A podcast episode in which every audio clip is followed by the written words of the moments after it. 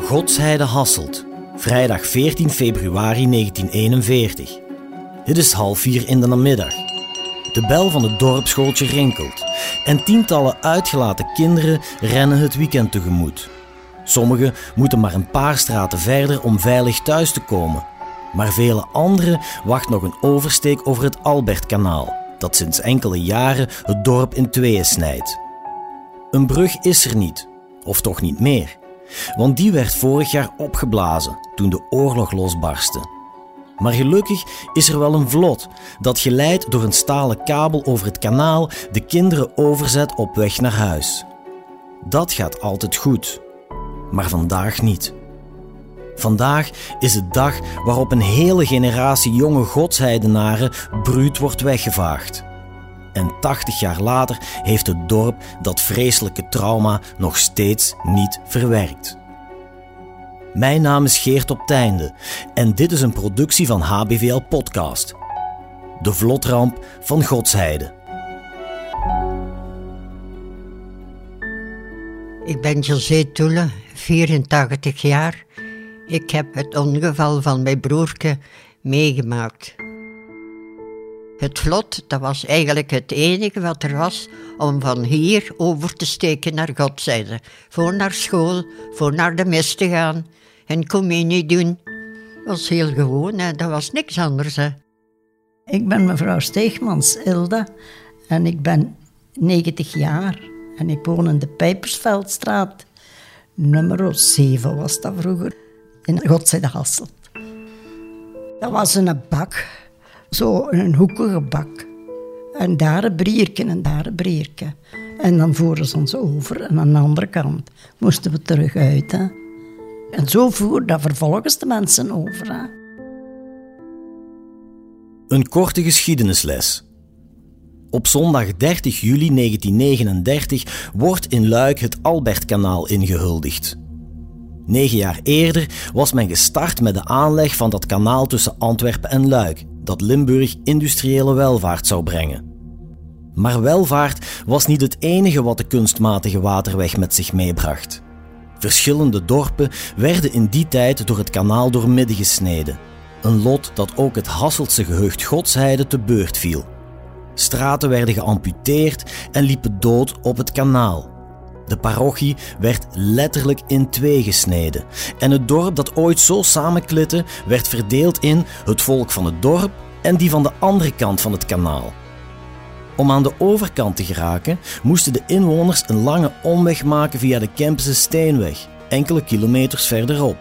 Of men moest de gevaarlijke oversteek wagen over het primitieve sluizencomplex, bestaande uit stalen poorten die met touwen aan elkaar werden gehouden. Nee, het zag er niet goed uit voor de parochie van Godsheide, die langzaam maar zeker uit elkaar groeide. Tot er niet veel later letterlijk een brug geslagen werd tussen het noordelijke en het zuidelijke deel van het dorp, vertrekkende vanuit de Kiezelstraat, schuin tegenover Brasserie de Zwaan, destijds het dorpscafé. Alleen die nieuwe verbinding was maar een zeer kort leven beschoren. Want bij het begin van de Tweede Wereldoorlog in 1940 bliezen de Belgische strijdkrachten de brug alweer op om de opmars van de Duitsers te stuiten. En toen kwam dus het vlot, een godsgeschenk voor de godsheidenaren, als het ware. Tot die noodlottige vrijdag 14 februari 1941, Valentijnsdag. Toen veranderde alles, zo vertellen Ilda Steegmans en José Toele. Nu is dat Valentijn, maar vroeger was dat niet. Ja. En s'morgens stond het ijs op het water, zo koud was het. S'morgens gingen we daarover en s'avonds terug erover. Hè. Wij moesten dan de ramp af, hè, met trappen af, hè, omdat het water lag dieper, hè, gelijk nu ook. Hè. Daar moesten wij vanavond dan het vlot op. Het waren er rond de 63, geloof ik. Te veel. Het vlot was overladen. Kijk, heringen in een ton, zeggen ze. Zo stonden wij. Dat was het ongeluk geweest. Hè. De meester die zei, eh, allemaal het vlot op, want ik moet met een tram hebben. En dat was nog een meneer met een fiets met een bloemzak op. Hè? Allemaal erop. het vlot vertrok.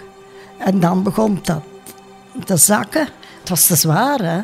Wij hadden schrik, we stonden tot daar in het water. Ja, en wat deden ze? De kinderen die klommen, dat waren zo sponnen, hè.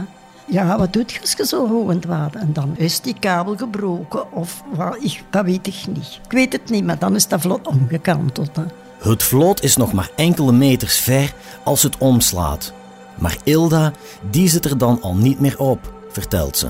En een jong van thuis in de geburen, die had de brierknop getrokken. En dat was ons geluk. Toen stuitten ze ons allemaal wel in het water. Ik ben er in het kanaal gevallen, hè, voor de domkantelde. Hè. Daar is dan ene, die was zo oud die is op het vlot gekropen. En als er een boven kwam, dan haalde die ook eruit. En zo ben ik ook gered. Want ik had mijn boekentas nog in handen. Terwijl Ilda Steegmans op de onderkant van het 180 graden gedraaide vlot wordt gehesen, liggen er nog meer dan 60 opvarenden in het ijskoude water van het Albertkanaal. Victor, het broertje van de dan vierjarige José Toele, is een van de drenkelingen. Het geschreeuw van de kinderen gaat door merg en been en is te horen tot ver over het kanaal, zo herinnert José zich. Tot thuis hoorden ze het lawaai van, van de kinderen. Tot hier is ver, hè? dat is vier kilometer zeker. Hè? Ja, al wat ze innen hadden kwam eruit. Hè? Ze voelden zich machteloos. Hè? Want hier in de, in de volgende straat, hè, daar wonen twee gebroers. Die hebben alle twee in het water gelegen. En ze hadden geen nagels meer aan hun handen van aan de dijk te krabben. En mijn moeder liep naar het kanaal. En op de hoek van de Zandstraat, dat was een winkel. En die vrouw die zei, ze zijn allemaal verdronken. Dat zei die, dat weet ik nog.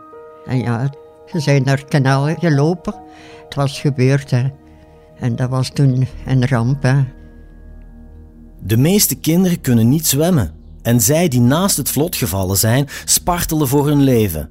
Maar voor de kinderen die onder het gekapseisde vlot terechtkwamen, is de situatie nog veel ernstiger. Zij zitten gevangen in de bak van het vlot en kunnen geen kant uit. In die bak hingen die, die hingen allemaal boven tegen. Ja, dat heb ik mijn ouders horen zeggen, ik weet het zelf niet. Hè. Maar die kinderen lagen allemaal in een bol, zo tegen het vlot. Als één geloof ik, dat is Sanderendaags onder de trap. En dat waren zo trappen. En daar hebben ze Sanderendaags nog één uitgehaald. Samen met Ilda Steegmans worden nog zo'n 25 kinderen uit het kanaal gered. Maar de dodentol is desastreus. 35 kinderen, 26 jongens en 9 meisjes, allemaal tussen de 7 en 14 jaar oud, sterven in het ijskoude water.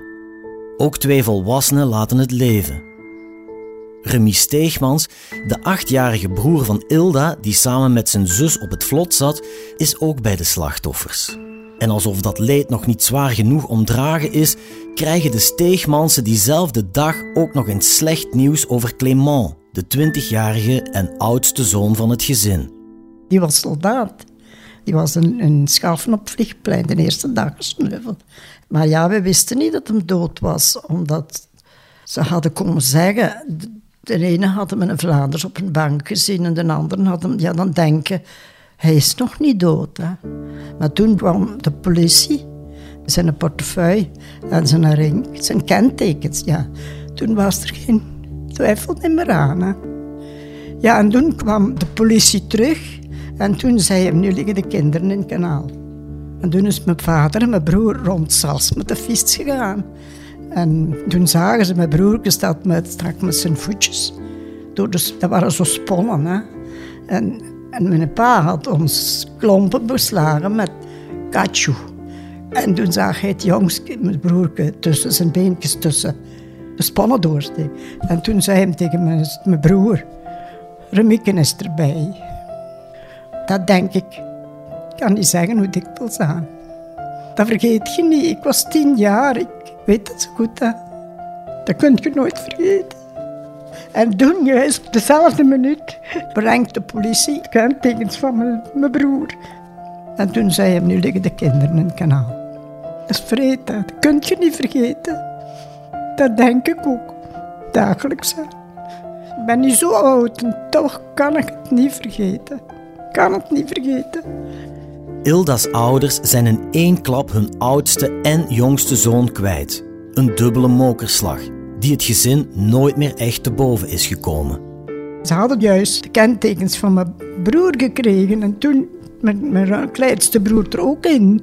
Dat was de oudste en de kleinste. Ja, en ik ben gered. Ja, die waren heel content dat ik er nog was, maar ik kon het niet verwerken. Ik heb er veel van afgezien en ik denk er nog dikwijls aan. Ik, ik sliep bijna niet. Ja, mijn ouders hadden... Ja, ik was bang. Ja, ik heb nog altijd schrik van het water. Ik kan niet water in. Terwijl het ene na het andere lichaam wordt geborgen, zijn verschillende kinderen nog vermist. Hun ouders balanceren tussen hoop en wanhoop. Misschien hebben ze zich wel in veiligheid kunnen brengen door weg te zwemmen van het vlot. Ik ben Marta Martens. Ik woon in Bokrijk. Ik ging niet naar school in Godzijde, maar mijn broer wel. Omdat hij maar enkele maanden meer moest gaan. Tot het einde van het schooljaar dus. En dat hij toch al bijna 14 was. Hè. Hij was 13 jaar en half. En dus hij is dan mogen blijven gaan in Godzijde. Albert Martus, de broer van de nu 90-jarige Marta, is een van de vermisten. Maar helaas krijgen ook zijn ouders een dag na de ramp zeer slecht nieuws te verwerken. Ze waren nog altijd aan het zoeken en aan het zoeken naar de vermisten. En mijn broer was nog een van de vermisten. En die hebben Sandra daags pas gevonden. Mijn vader en moeder dachten, misschien is hij weggezwommen. Maar eh, dat is waarschijnlijk niet mogelijk geweest. Die lagen allemaal op één met een uh, rugzak vol boeken. Dus hebben ze hem Sandra daags pas gevonden. En hoe ik die dag ervaarde? Ja, ik was tien jaar. Ik weet nog dat ze mijn broertje binnenbrachten. Ja, en wat een kind van tien jaar opmerkt, dat zijn handen helemaal verkreukt waren, zo van in het water te liggen. Dat herinner ik me nog. En dat ze allemaal aan het wenen waren, en, uh, dat, dat weet ik ook nog, ja. En dan ging ze naar, naar de buurvrouw en die haar zoontje was er ook mee ingevallen. En ja, een echte ramp. Ook Victor, de tienjarige broer van José Toele, overleeft de vlotramp niet. Net als veel andere kinderen wordt hij thuis opgebaard in afwachting van de begrafenis. Als er thuis iemand kwam, ging het over Victorke. Kwam je binnen, keek naar zo'n heel grote foto. Het pracht van de jong, hier een vrouw en oh ja, echt. En ze keken naar Victorke en dat begon. Het verdrinken en alles. Hè. Altijd, altijd. Altijd het verhaal van Victor. Dat is zo, hè. een kind verlezen. Hè. José was amper vier toen haar broer overleed. Maar haar herinneringen aan het tragische verlies van Victorke zullen haar nooit loslaten, zegt ze. Ja, wij waren ook verdrietig, maar wij konden dat kwijt door te schommelen en dan... Victorke, kom toch terug. Victorke, kom toch terug. Zonder stoppen, hè. En dan de volgende. En die deed het weer hetzelfde. Ja, als kind, dat is gemeend. Hè. Eh, jij voelt dat ook, maar je kunt het niet anders als, als zeggen... Hè. Victorke, kom toch terug. Ja. En de water, hè. die golven, die, die, daar was ik kwaad op. Daar zat een haat tegen, hè. Omdat zij Victorke hebben meegenomen, hè. Want ik kan hem niet herinneren als broer, hè. Ja, nee, dat, vier jaar. Wel het, uh, het vertellen van mijn moeder altijd, hè. Altijd was het Victorke, ja. Ja, kind afgeven, Zondag 14 februari 2021. In Godsheide wordt de trieste 80ste verjaardag van de vlotramp herdacht. Dat doen de dorpelingen al sinds die noodlottige Valentijnsdag in 1941. Maar dit jaar gooit corona roet in het eten. Voor de eerste keer zal er geen herdenkingsmis zijn in de kerk naast de begraafplaats, waar alle slachtoffertjes samen rusten. Ook de jaarlijkse koffietafel, waar overlevenden en nabestaanden nog steeds troost zoeken bij elkaar, zal niet kunnen plaatsvinden. Het valt de godsheidenaren zwaar, want het trauma van de vlotramp is 80 jaar na dato nog steeds niet verwerkt. Meer nog, het leed dat het drama veroorzaakte gaat al generaties mee en is verstrengeld geraakt met het DNA van de godsheidense jeugd anno 2021. Hoe komt het dat er een vlot was op het kanaal? Alle bruggen waren opgeblazen. Ja, natuurlijk omdat het oorlog was. Voor de oorlog hadden ze dat laten ontploffen. En toen op een keer, op 14 februari 1941, was de school uit. En wat gebeurde er toen?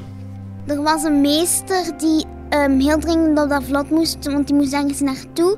En er mogen een aantal kinderen of meesters erop. En hij wou er nog rap op en hij liet dan nog wel wat kinderen erbij. En toen is dat omgekanteld.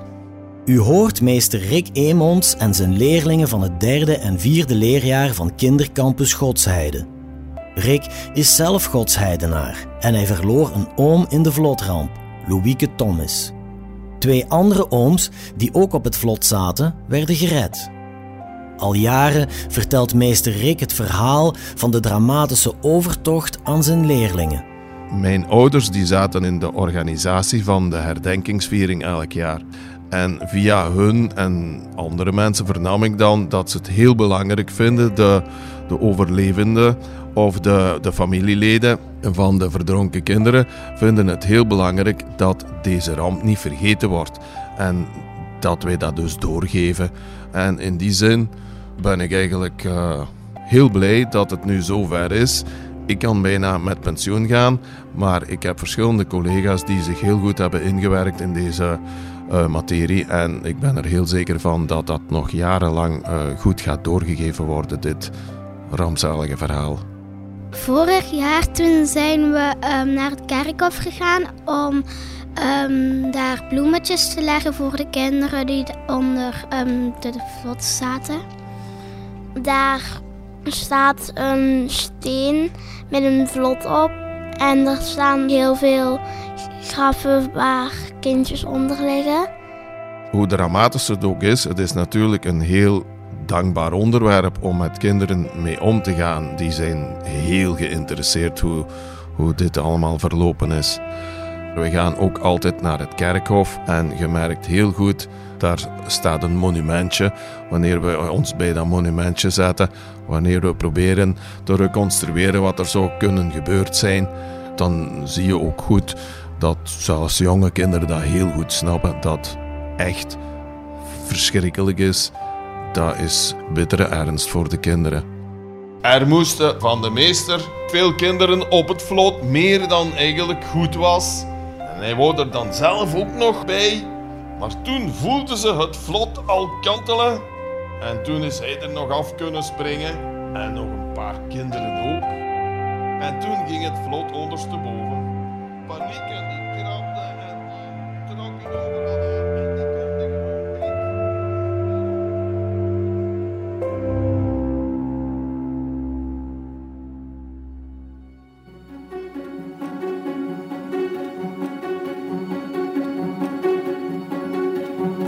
U luisterde naar De Vlotramp van Godsheide, een productie van HBVL Podcast. Samenstelling, montage en audioproductie door Geert op Teinde.